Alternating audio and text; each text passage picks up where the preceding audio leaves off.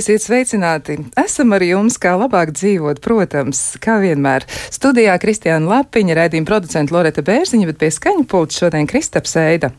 Runāsim par to, kā runāt ar citiem cilvēkiem, un proti šodien vairāk mēģināsim saprast, kā runāt ar tiem, kuriem ir onkoloģiska saslimšana, kuriem ir lielas problēmas, reizēm ir arī ļoti daudz psihoemocionālu pārdzīvojumu, un gan pašiem pacientiem, gan arī tiem, kas ir līdzās. Galu galā arī mums visiem par to ir jādomā. Jo nav tā, ka kaut kas gaida aiz durvīm, tad uh, var ienākt tikai, lai tā teikt, pasveicinātu mūsu un aiziet prom, bet reizēm ir tā, ka kāda problēma ir pietiekami nopietna, ar to ir jābūt kopā ilgāku laiku un jāmēģina arī ar to cīnīties. Un, lai pietiktu spēka, mums ir arī jādomā par to, kā tad šo sarunu vadīt un kā būt kopā visiem eh, šādu problēmu brīžos. Tāpēc esam aicinājuši studijā pacientu atbalstu biedrības dzīvības koks vadītāju Gunitu Bērķi. Sveicināt! Labrīt! Vēl arī pie mums studijā šodien ir Paula Stradīna Kliniskās universitātes slimnīcas uroloģijas centra vadītājs Egils Vjaters. Sveicināts! Labrīt. Un vēl esam aicinājuši sarunā piedalīties teologu neoētiskās veselības kopienas Elizeja dibinātāju Kasparu Simonoviču. Sveicināts! Sveicināti! Jā, nu, varbūt sarunu sāksim eh, ar klāt esošo ārstu, izmantojot arī eh, Egilu Vjatera klātbūtni un nedaudz arī fokusējoties uz vienu specifisku eh, onkoloģisku pacientu grupu, proti uz nieru vēzi. Varbūt jūs varat drusciņi vairāk raksturot tieši šo slimību un kā tas īsti nākas, ka Nu, ir daudz, daudz dažādu sarežģījumu, piemēram, atklāšanas grūtības un daudz citas lietas. Varbūt ir kaut kas, ar ko jūs varētu sākt raksturojot tieši šo problēmu. Paldies! Nu, tad Latvijā katru gadu ar nieru audzējas slimst apmēram 500 cilvēku, un katru gadu uh, skaitlis pieaug, un tas vidējais pieaugums ir 0,8%.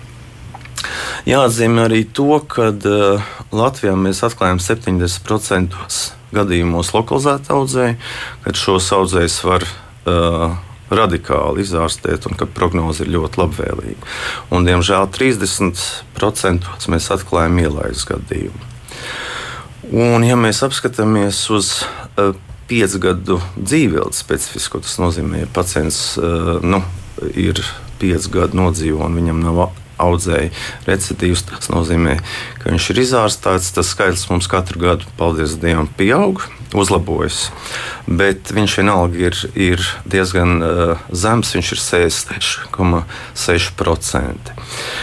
Un te es gribētu varbūt arī, ja iespēja ir, uh, atzīmēt to, ka riska faktori ir smēķēšana, liekais svars un uh,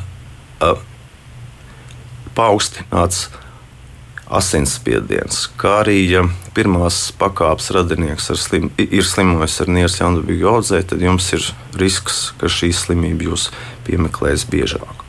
Un pīķis ir no 6 līdz 80 gadu vecumam. Un kas uh, ir labā ziņa, un kas ir dīvainā ziņa, tāpēc, ka mums tie ielaistie gadījumi ir tik daudz, ka šo slimību var ļoti efektīvi un viegli lēti diagnosticēt. Ja? Tā tad uh, pārsvarā tie uh, lokalizēti audzēji visi ir asimptomātiski. Ja? Tātad tas ir jāuzsver, kad nieras audzējs, kamēr viņš ir ārstējams, viņam nav nekāda simptoma. Un, kā likums, tad atnāk uh, pacients ar ielaistu nieras audzēju, un uz jautājumu, jūs pie ārstiem negājāt, tā tipiskā atbilde ir, man nebija nekāda sūdzība, kādēļ man jāapmeklē ārsts, nu, kas ir diemžēl. Tipiski atbild. Un līdz ar to šos uh, audzējus atklāja uh, uh, nu, nejauši. Un, uh, ļoti efektīva metode ir ultrasonogrāfija, kas ir eh, ļoti efektīva atklājot nieraudzē, kas ir lēta, kas ir pieejama, nekaitīga.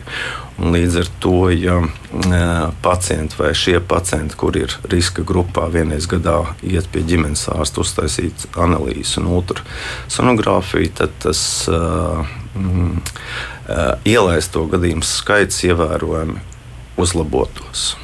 Tātad tas nozīmē, ka vajadzētu parūpēties par sevi un aiziet pie ģimenes ārsta. Bet, ja, piemēram, cilvēks konstatē um, nu, nezinu, kaut kādas izmaiņas, tomēr viņam sāk sāpēt mugura vai, vai vēl kaut kādas pazīmes. Varbūt, ka tomēr ir kaut kas tāds, kas varētu par to vēstīt. Ja tiešām tas ir tā, ka cilvēks dzīvo, dzīvo, dzīvo un pēkšņi gadījuma pēc kopējā veselības pārbaudē tiek konstatēts kaut kas tāds. Jā, kā, eh, kā jau teicu, un vēlreiz gribu uzsvērt, ka nieras audzēja sākuma stadijā, kad viņi ir efektīvi ārstējami, ir asimptomātiski, nav nekāda simptoma. Vēlāk Protams, kad audzējs ir izplatīts un ka tā prognoze ir ievērojami sliktāka, un uh, tad ir varbūt asins pieaugums urīnā, svarkrišanās, sāpes sānā, bet tie ir tie ievēlotie gadījumi.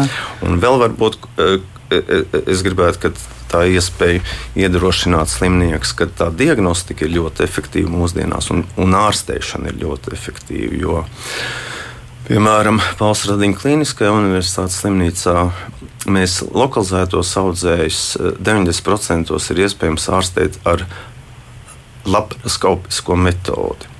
Tas nozīmē to, ka uh, pacientam tiek izoperēts tikai audzējs, atstājot nieres. Līdz ar to pēc operācijas pacientam nav nekāda ierobežojuma ne diētā, ne kaut kur citur. Laparoskopiski operēt, nu, tas nozīmē izdarot trīs vai četras mazas dūrienas, kad uh, pacients atrodas slimnīcā no vidēji no divām līdz trim dienām, un darbspējas atjaunojas no septiņām līdz desmit dienām. Un līdz ar to tad, uh, atnāk pacients ar, ar ļoti nopietnu diagnozi, bet, ja viņi ir lokalizēti, mēs viņu izoperējam. Pēc desmit dienām cilvēks var atgriezties pilnvērtīgi dzīvē. Un, uh, galvenais, kad uh, no ārstēt lokalizētas audzējas, tad 95% gadījumu mēs šo slimnieku izārstējam. Tā, nu, tā ir tā labā ziņa, un tāpēc es vēlreiz gribētu uzsvērt, ka pats galvenais, ka cilvēks griežas pie Eh, ģimenes ārsta vai ārstiem un rūpējas par sevi. Jā, tā tad tas ir tas, kas noteikti ir jādara. Un liekamais auss visi tie, kas uh, seko līdz savam veselības stāvoklim, un arī tie, kas to vēl nedara, noteikti, noteikti dariet to pašu un atgādiniet arī saviem ģimenes locekļiem. Sevišķi tiem, kā doktors teica, arī tajā vecuma grupā, kas ir no 60 līdz 80, tātad cilvēki, kur ir, nu, kā teikt, viens no Latvijas zināmākajiem gerontologiem, kur ir nu, vienkārši ilgāku laiku šajā pasaulē pavadījuši. Ja, tad uh, viņiem vajadzētu atgādināt, ka ir jāpadomā par sevi. Bet te man jautājums būs arī Gunitai Bērķiem, pēc tam noteikti es arī aicināšu sarunā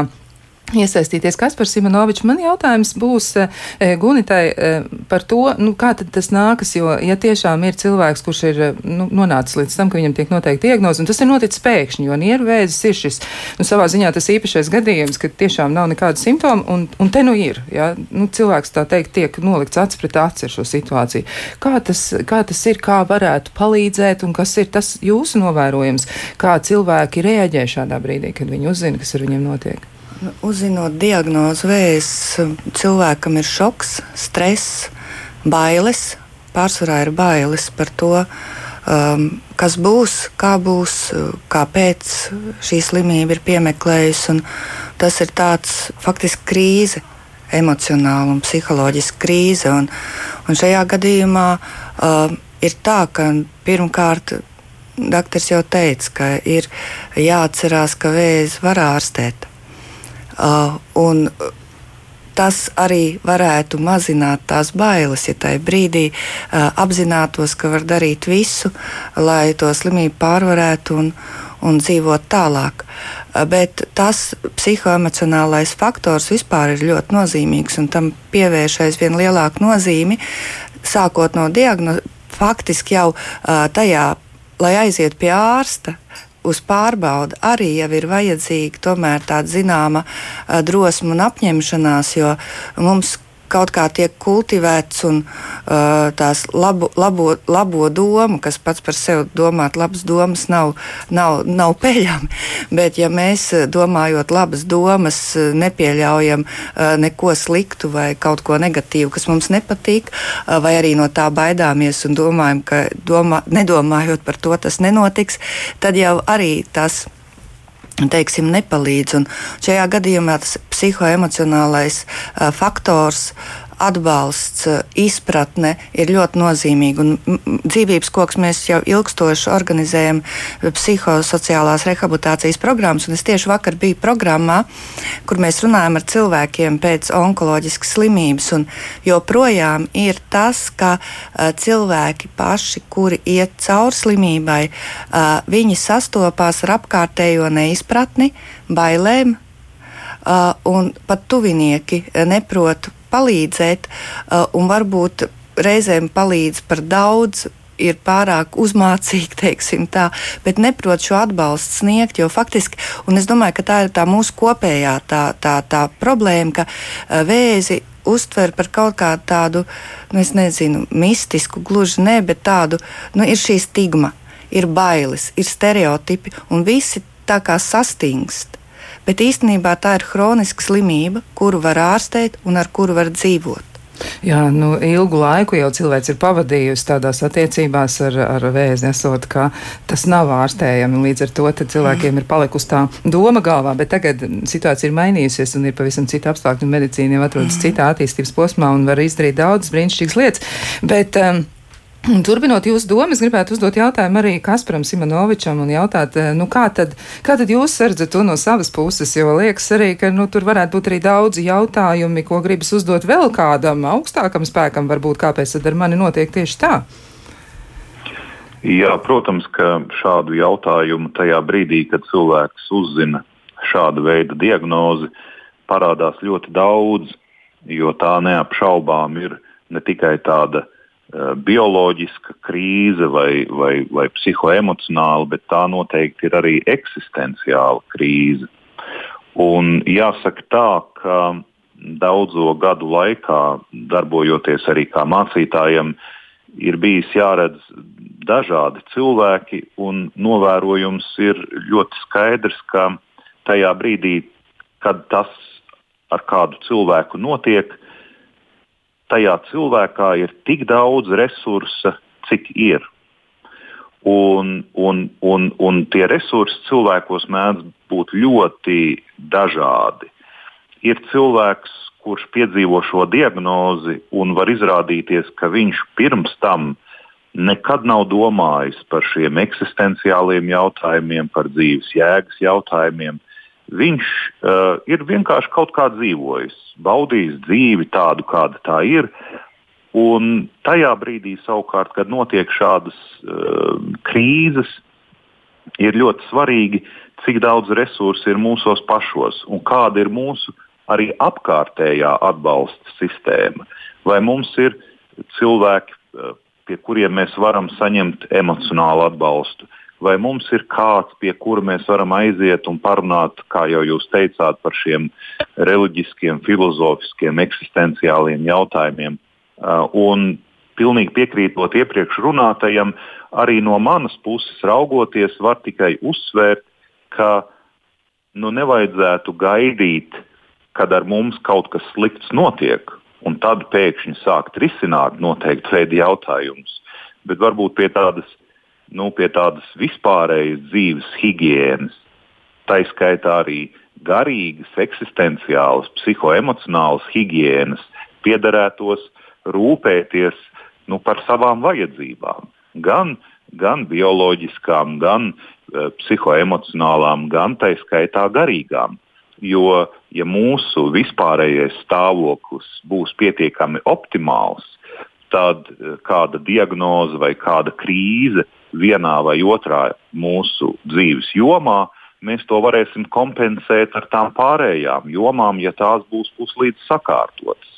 Bet, ja mēs būsim visu savu dzīvi noveduši tā sakot līdz kliņķim, tad mums nebūs vienkārši tā resursa, kur pasmelties, lai mēs tās krīzes dzīvē varētu pārvarēt.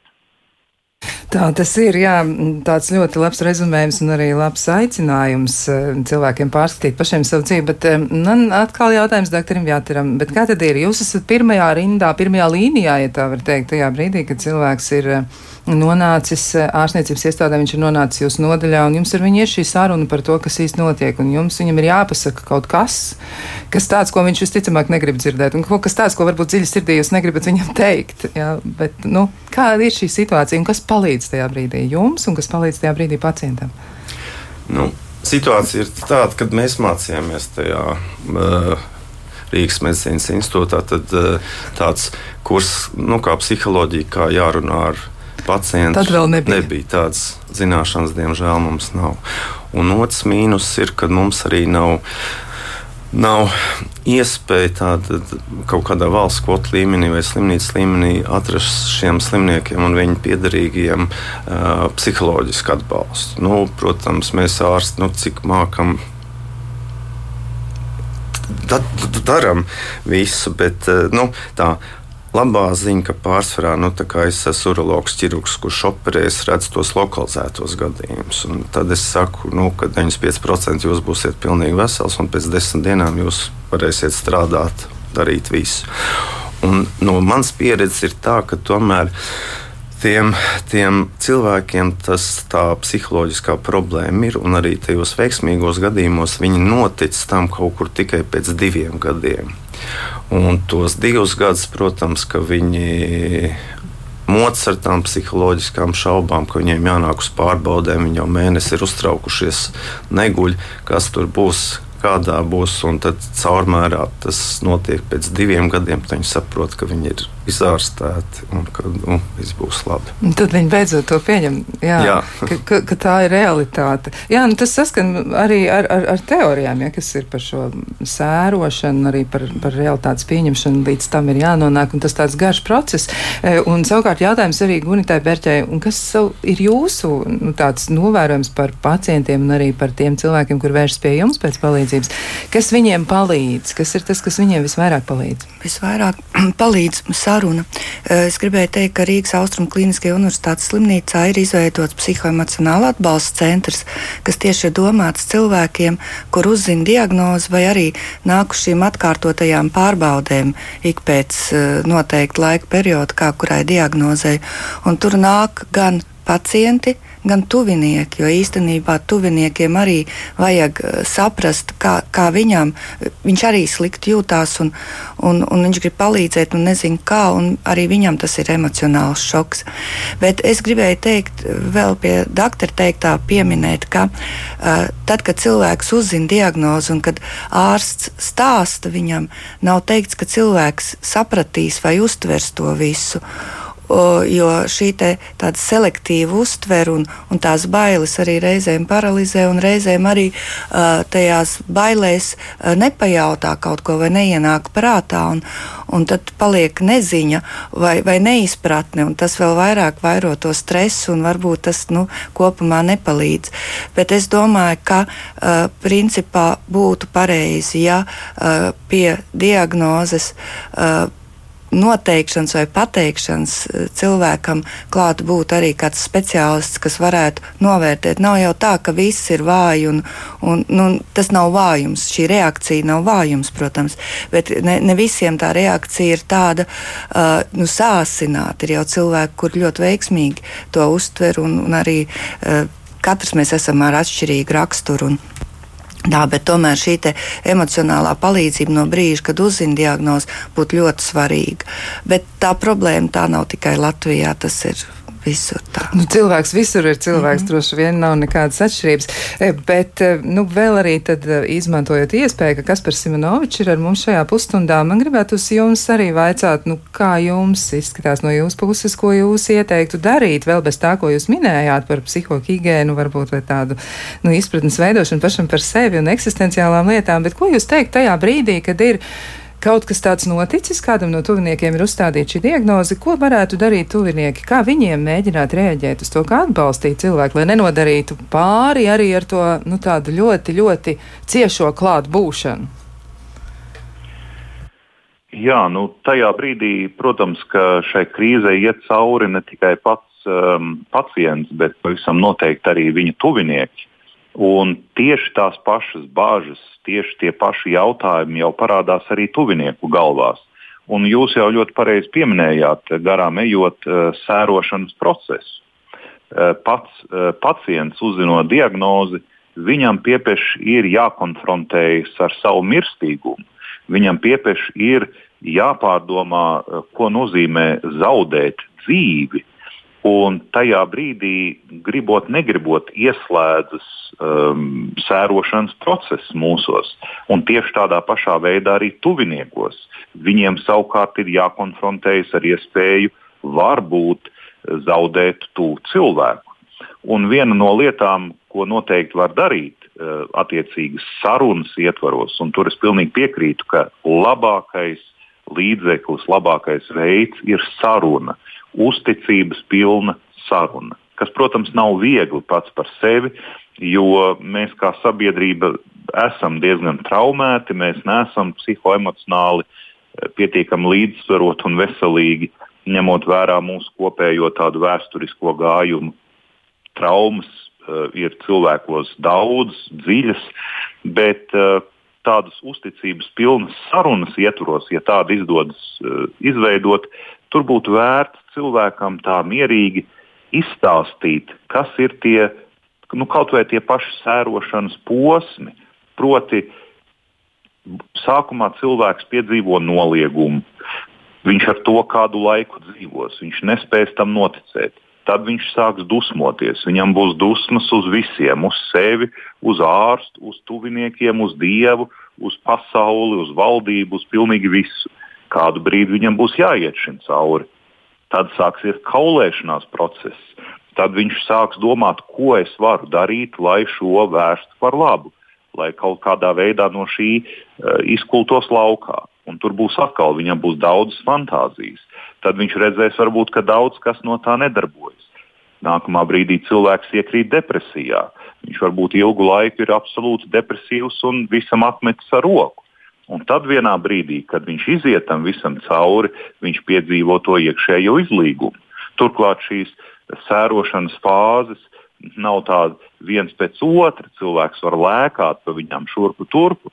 Un man liekas svarīgi cilvēkam šo izskaidrot un izstāstīt. Tad, kad tu dzīvosi šo gadu, divus vai piecus vai turpmāko dzīvi, tu ik pa brīdim kaut ko tādu piedzīvosi, un tu zini, tas ir normāli. Tas nekas, ja vien tev ir apkārt saprotoši cilvēki, visam var dzīvē iziet cauri, ar visu ir iespējams tikt galā. Jā, bet vēl es gribu no jums arī, tā teikt, vēl sarunas noslēgumā tieši ar jums, jo jūs eh, nākamajā pusstundā nebūsiet ar mums, vēl es gribētu no jums nu, saņemt tādu novēlējumu, ko varētu arī tad adresēt visiem klausītājiem, kuri klausās šobrīd un domā par sevi vai domā par saviem tuviniekiem un domā par dzīvi kopumā. Ko jūs novēlētu, kā jūs viņus uzmundrinātu tieši šajā brīdī? To katru vienu, kuram ir tā doma galvā, nu kas notiek ar mani? Patiesībā jau jūs jau arī sacījāt, ka cilvēki visur ir cilvēki. Un gan šīs diagnozes ietvaros, gan citu diagnožu ietvaros, un vispār arī pat, ja cilvēkam nav nevienas diagnozes, mēs esam cilvēki, kas esam ļoti līdzīgi un dzīvojam pēc ļoti līdzīgām iekšējām dinamikām un attīstības Un es varētu novēlēt ikvienam cilvēkam, vienalga vai viņš ir pacients, vai ārsts, vai atbalsta uh, cilvēks, vai, vai vienkārši cilvēks, kurš dzīvo savu dzīvi, domāt par, par, par, par sevi, domāt par savas dzīves jēgu, par šiem eksistenciāliem jautājumiem, mēģināt tikt skaidrībā, nu, tā sakot, līdz kaulam, mēģināt izrunāties vispirms jau pašam ar sevi tas varbūt ir tas svarīgākais. Izrunāties, cik vien dziļi iespējams, vispirms pašam ar sevi. Jo, ja mēs būsim skaidrībā paši ar sevi, tad arī sarunas ar citiem cilvēkiem būs daudz vieglākas. Tad arī mēs uz pasauli raudzīsimies ar daudz gaišāku skatu. Citiem vārdiem sakot, nebaidīties, ieskatīties sevī. Vienalga, kurā vecuma posmā mēs esam, vienalga, kurā uh, veselības stāvoklī mēs esam, nebaidīties sākt ar sevi, ieskatīties sevī un, un risināt šīs iekšējās sarunas vispirms pašam ar sevi. Paldies! Ļoti dziļš, ļoti jauks un tāds ļoti nopietns novēlējums. Un ielieks arī, man liekas, tur ir ļoti daudz uzmundrinājumu. Mm, jums es noteikti šobrīd varu teikt paldies, jo ar mums šajā pusstundā kopā ar pārējiem studijas viesiem, un es atgādināšu, kuri tie ir. Pie mums ir pacienta atbalsta biedrības dzīvības koks vadītāja Gunita Bērķa, un vēl arī studijā ir Paula Stradīna Klīniskās universitātes slimnīcas uroloģijas centra vadītājs Egils Jāters. Bet uh, saku paldies teologam, neoētiskās veselības kopienas Elizei dibinātājiem Kasparam Ivanovičam. Un, ja klausītājiem ir kāds jautājums, gan jau, ka jūs varat arī Kasparu atrast paši un ar viņu aiziet aprunāties. Laiks jūsu jautājumiem! 67, 222, 888. Mūsu e-pasts, klausītājs at Latvijas radio.lv. Mēs esam atgriezušies pie sarunas par to, kā runāt ar vēža pacientiem un kā atpazīt vienu no ļoti, ļoti specifiskām, tādām, var teikt, viltīgām vēža formām, kura tomēr, kā izrādās, ir eh, ārstējama, labi ārstējama un atliek tikai pašiem būt uzmanīgiem un vērīgiem pret sevi. Bet eh, šajā saistībā mums arī viens no jautājumiem. Un jautājums ir tāds. Tā tad eh, sveiciens mums, ja, un ja simptomi norit bez simptomiem, ja precīzāk slimība ir bez simptomiem, tad ar kādu pamatojumu ģimenes ārsts var sūtīt uz pārbaudēm. Lielākā daļa ģimenes ārstu nosūta tikai uz standarta analīzēm - sirds, rengens, asins analīze, vairāk neko, ja nav sūdzība. Tad sanāk, ja pacientam, ja pacientam pašam ir jāizglītojas medicīniski, lai zinātu, kā rīkoties savas veselības labā, un ģimenes ārsti par šo klusē. Nu, klausītāji ir šāds novērojums. Doktor Jāter, kā, kā jūs komentēsiet to situāciju? Jo tas ir neparasti patiesi patiesi jūs teicāt, jā, nu, ka, tā, ka tā ir. Tas ir tieši šai slimībai īpaši raksturīgi. Nu, es gribētu uzsvērt, ka principā gan visiem audzējiem, ja tie nav ādas audzēji, tātad sākuma stadijā viņi ir asimptomātiski. Līdz ar to ir katrā vecuma grupā ir kaut kāds risks kādam specifiskam audzējam. Jā. Un, eh, un līdz ar to, eh, līdz ar to vienreiz gadā ir jāiet pie ģimenes ārsta, un ģimenes ārsts nosūta uz izmeklējumiem vai pie tiem speciālistiem, kādā riska grupā slimnieks ir. Bet es domāju, ka tie ir tikai atsevišķi gadījumi, kad ģimenes ārsts noņem analīzes un tad neaizsūta pacientu eh, nekur. Es domāju, ka uh, lielākā daļa ģimenes ārsti ir zinoši un ļoti atbildīgi. Nu, bet otrs, protams, kad ir pacientam jārūpējas par sevi un arī speciāli kaut ko jāprasa. Ja, jo nu, tā sadarbība ar ģimenes ārstu jābūt no abām pusēm. Tas nav tā, kā es esmu dzirdējis, ka nu, man ir ģimenes ārsts Viņa man divu gadu laikā nav uzvanījusi. Nu, viņai nav jāzvan pacientam. Nu, tam cilvēkam arī jārūpējas par sevi. Un uh, arī jāprasa specifiskas lietas. Un es domāju, ka neviens ģimenes ārsts uh, uh, neaizliegs pacientam iet uz ultrasonogrāfiju, jo, kā jau es teicu, šī metode ir pilnībā nekaitīga, nesāpīga, lēta, pieejama un informatīva. Un tā informācija nav tikai par nieraudzē, bet ultrasonogrāfija apskatās visu vēderi. Tātad tur ir urīna pūles, aknu žulspūles un citu orgānu. Tā tad var, kā saka, ar vienu šāvienu nošaut divus zaķus. Jā. Nu, pat vairākus. Pat vairākus. Jā. Nu, varbūt tas nav pats labākais un jaukākais salīdzinājums, bet, bet nu, tad var izdarīt eh, vienā piegājienā, var noskaidrot daudzas lietas par savu veselību. Un, un um, droši vien jau, ka lielākajā daļā gadījumā arī būs ļoti labi rezultāti. Tā nozīmē, ka doktors teiks, nu viss ir kārtībā, jums nevajag lieki raizēties. Jā, viss ir kā vajag. Ja, es, ja drīkst pie šī jautājuma, uh, gribētu uzsvērt to, ka neno, tas ir nenozīmē, ja jūs uztaisīsiet ultrasonogrāfiju, ka jūs būsiet Uz visu dzīvi pasargāt. No visām slimībām, jo citām slimībām ir jātaisa cita diagnostika. Nu, tas ir panieru audzēji. Jā, bet jebkurā gadījumā var saņemt atbildi uz jautājumu, vismaz uz vienu, un tad jau tālāk var virzīties. Jā. Bet nu, pirmais solis tomēr ir, ir paša cilvēka ziņā. Bet vēl nedaudz arī paplašinot šo pašu tematu, par ko mēs runājam, mēs mēģinām saistīt kopā divas lietas. Tātad vēža diagnoze kā tādu un īpaši at, grūti atpazīstamas slimības, un šajā gadījumā piemērs ir nieru vēzis.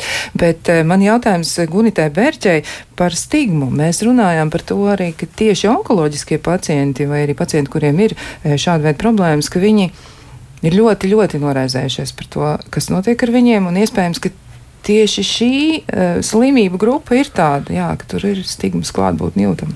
Jā, onk onkoloģija var teikt, ka onkoloģiskas slimības ir tādā stigmatizētā grupā. Un, un jāsaka, ka principā jau ir ļoti daudz onkoloģiski, ir vairāk nekā 200 dažādu vēža veidu. Un, un viņas, protams, ir izplatītas, un, un aizvien ziņas skan, ka izplatītāks un, un vairāk pieaug pacientu skaits, kas arī, protams, ir arī objektīvi iemesli dēļ. Pirmkārt, cilvēki dzīvo ilgāk, mēs labāk veselības aprūp, labāk izmeklējam, vairāk atklāju, ārstē cilvēki dzīvo.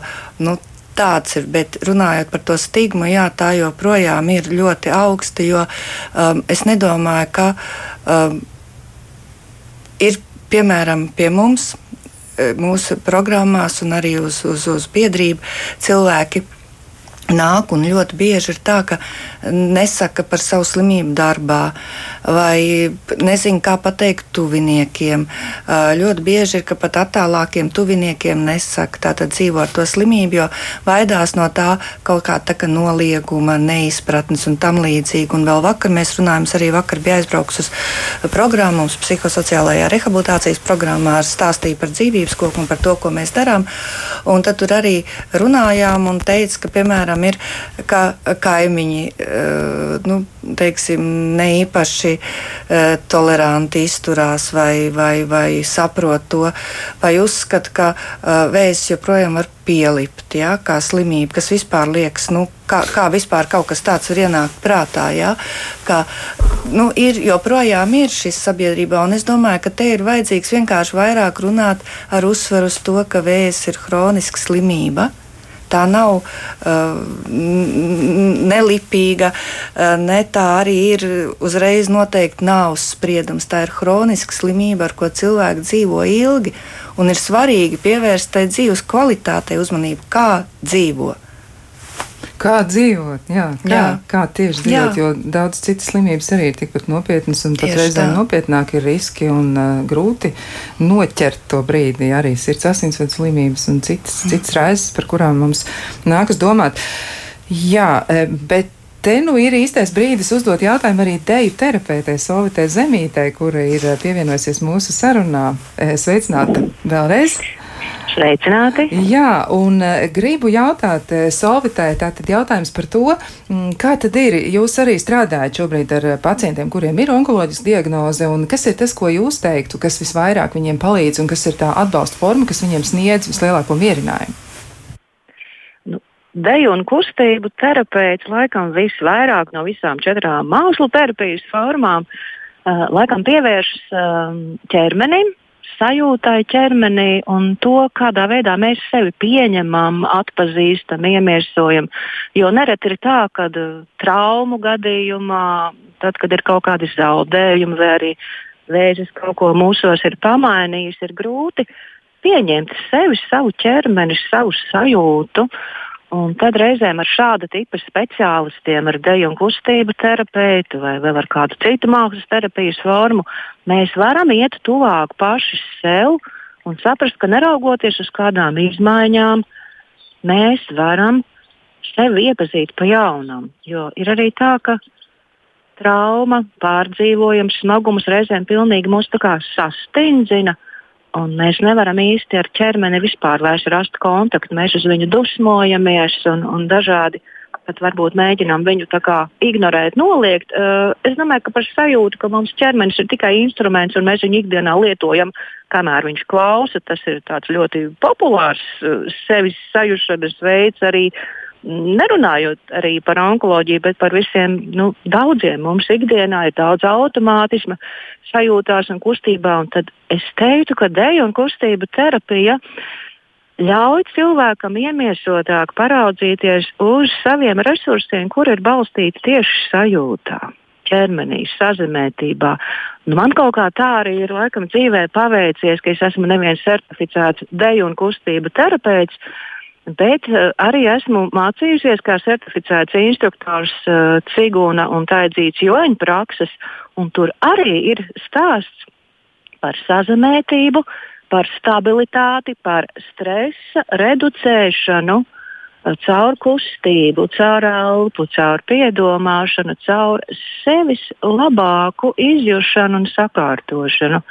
Jā, man tieši šobrīd arī ir tā, nezinu, tā labā izdevība veidot šobrīd tieši šai nedēļā unikālu programmu sadarbībā ar dzīvības kopu tieši onkoloģisko pacientu grupai un arī viņu atbalsta personām. Un, es arī raugos, nu, kā viņi aug tajā savā izpratnē par to, cik ķermenis var būt arī draugs, cik tevī patiesībā ir daudz unikālu, jaunu aspektu, kurus tu vari uztvert pavisam savādāk nekā ikdienā. Kaut vai tā pati roka, kas ikdienā varbūt nezinu, raksta datorā vai ķemmē matus vai sniedzas uz ledus skapi ka tā roka var kustēties pilnīgi savādāk. Viņa ir brīnišķīga, viņa ir kaut kāda milzu skaista, laba vērtība. Jā.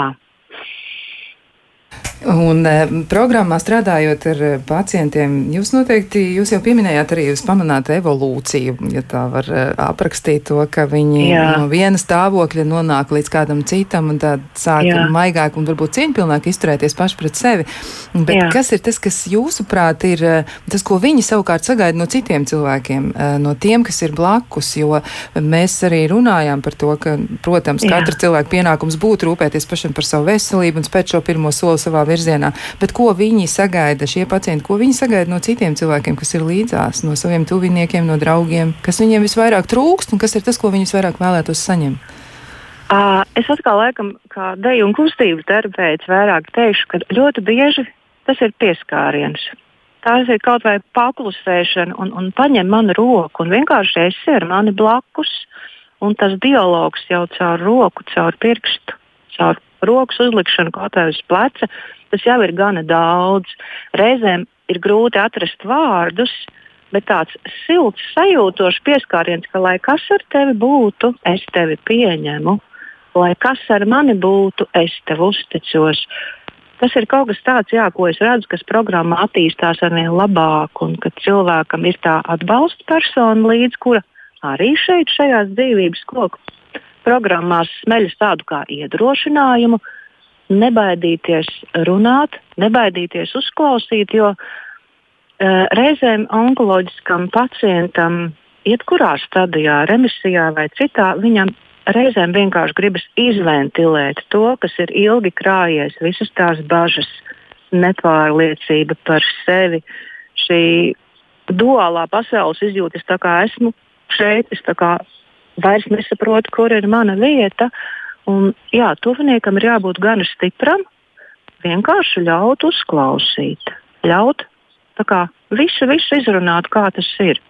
Es arī redzu, ka daudz pacienti, klienti ar šo diagnozi, es pat teiktu, pēc šīs diagnozes, viņi cenšas būt ļoti stipri un, un ilgi slēpj un nestāsta. Viņi saka, nu kā, nu kā es tā, nu kā es tā pateikšu, viņiem sagrūs visa pasaule. Viņi it kā arī slēpj no tuviniekiem.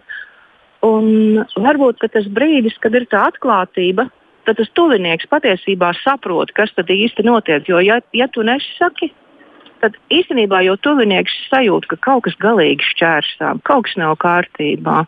Un tajā brīdī, kad pasaka, kas īsti notiek, tad ir tā tāda sapurināšanās.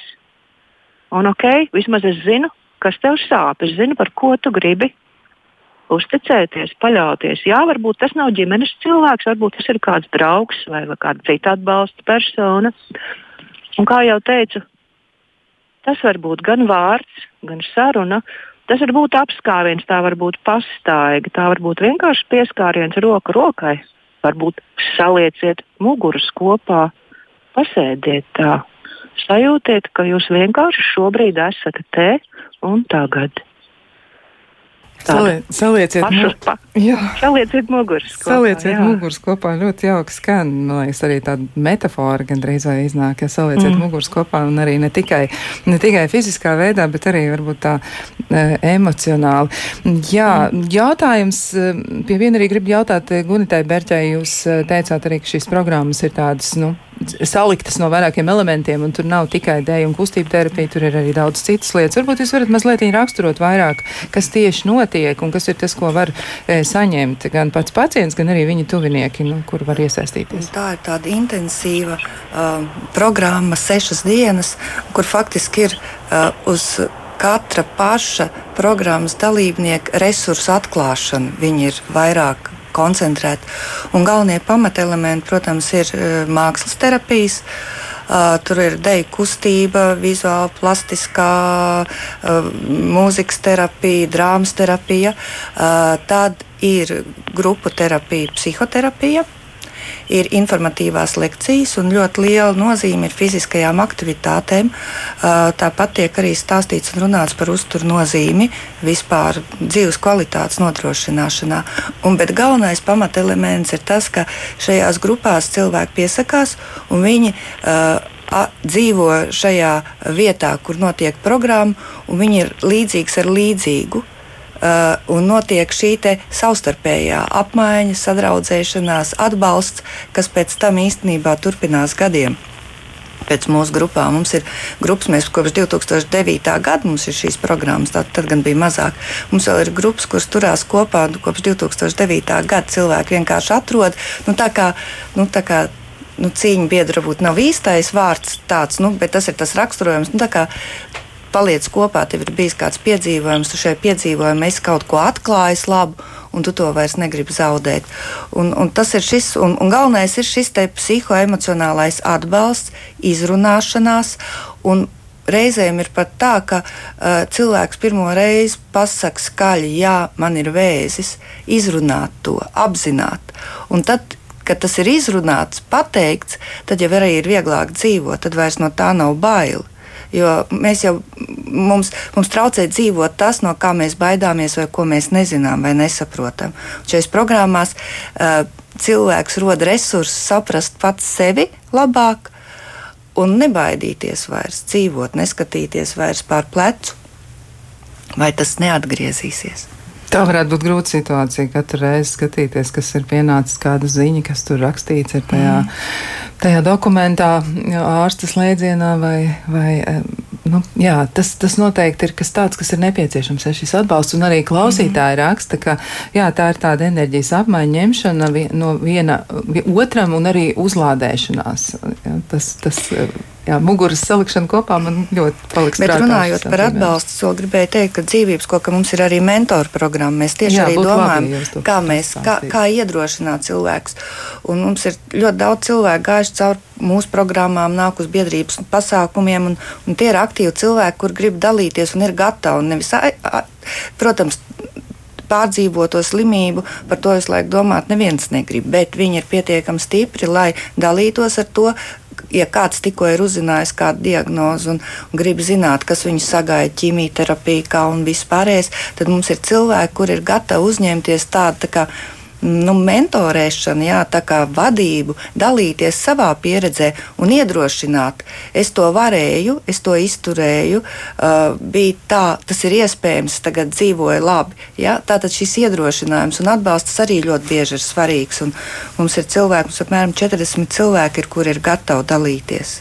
Tas nozīmē, ka sameklējot eh, pacientu atbalsta biedrību, dzīvības koks var saņemt arī Jā. informāciju arī par mentoriem, Jā. ne tikai par programmām, kurās Jā. var aktīvi iesaistīties.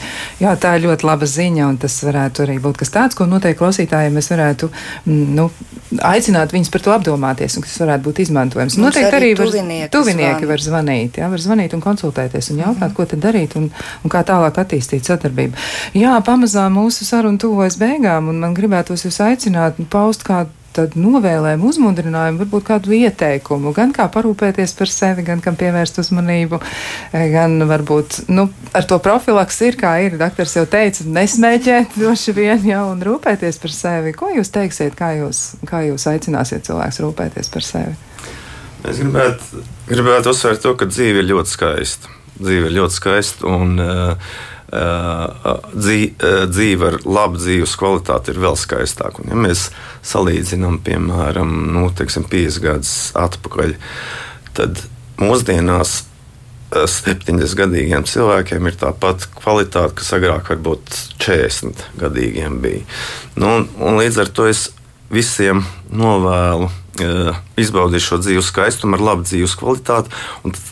Nevajadzētu viņu sagraut ar to, ka jūs neaiziet pie ārstiem pārbaudīties. Jā, nu, lai, lai laimētu loterijā, vismaz loterijas biļeti vajag nopirkt. Tad jau var pie Jā, tā laimes tikt.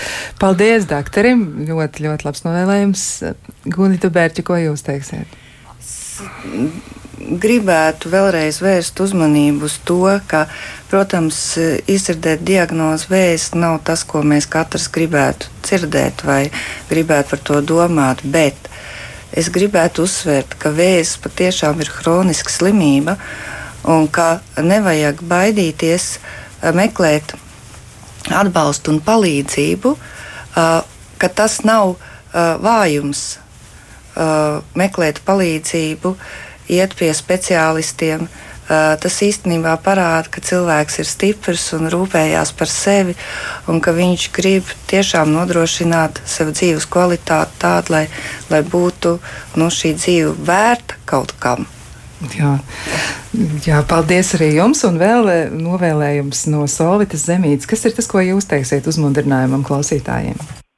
Es teikšu, dariet sev labu, jau no rīta pamostoties, vēl acis nav vaļā, pasmaidiet sev, pasmaidiet visam savam ķermenim un, un sajūtiet, kā plūst telpa. Kur ir kāju pirkstiņi, kur ir roku pirkstiņi, ka jūs šodien esat pamodušies. Tā tad jūs esat un dzīve notiek. Un dzīve notiek, un vēl no klausītājiem arī uzmundrinājums no nu, šoreiz teikšu, tā ir Iveta, uzvārdu gan neminēšu, un viņa raksta, esmu no otrās nometnes 2009. gadā. Tā ir neatsverama pieredze savstarpējā doma apmaiņā. Liekas, ka tie ir paši labākie vārdi, ar ko mēs. jā, ar ko mēs.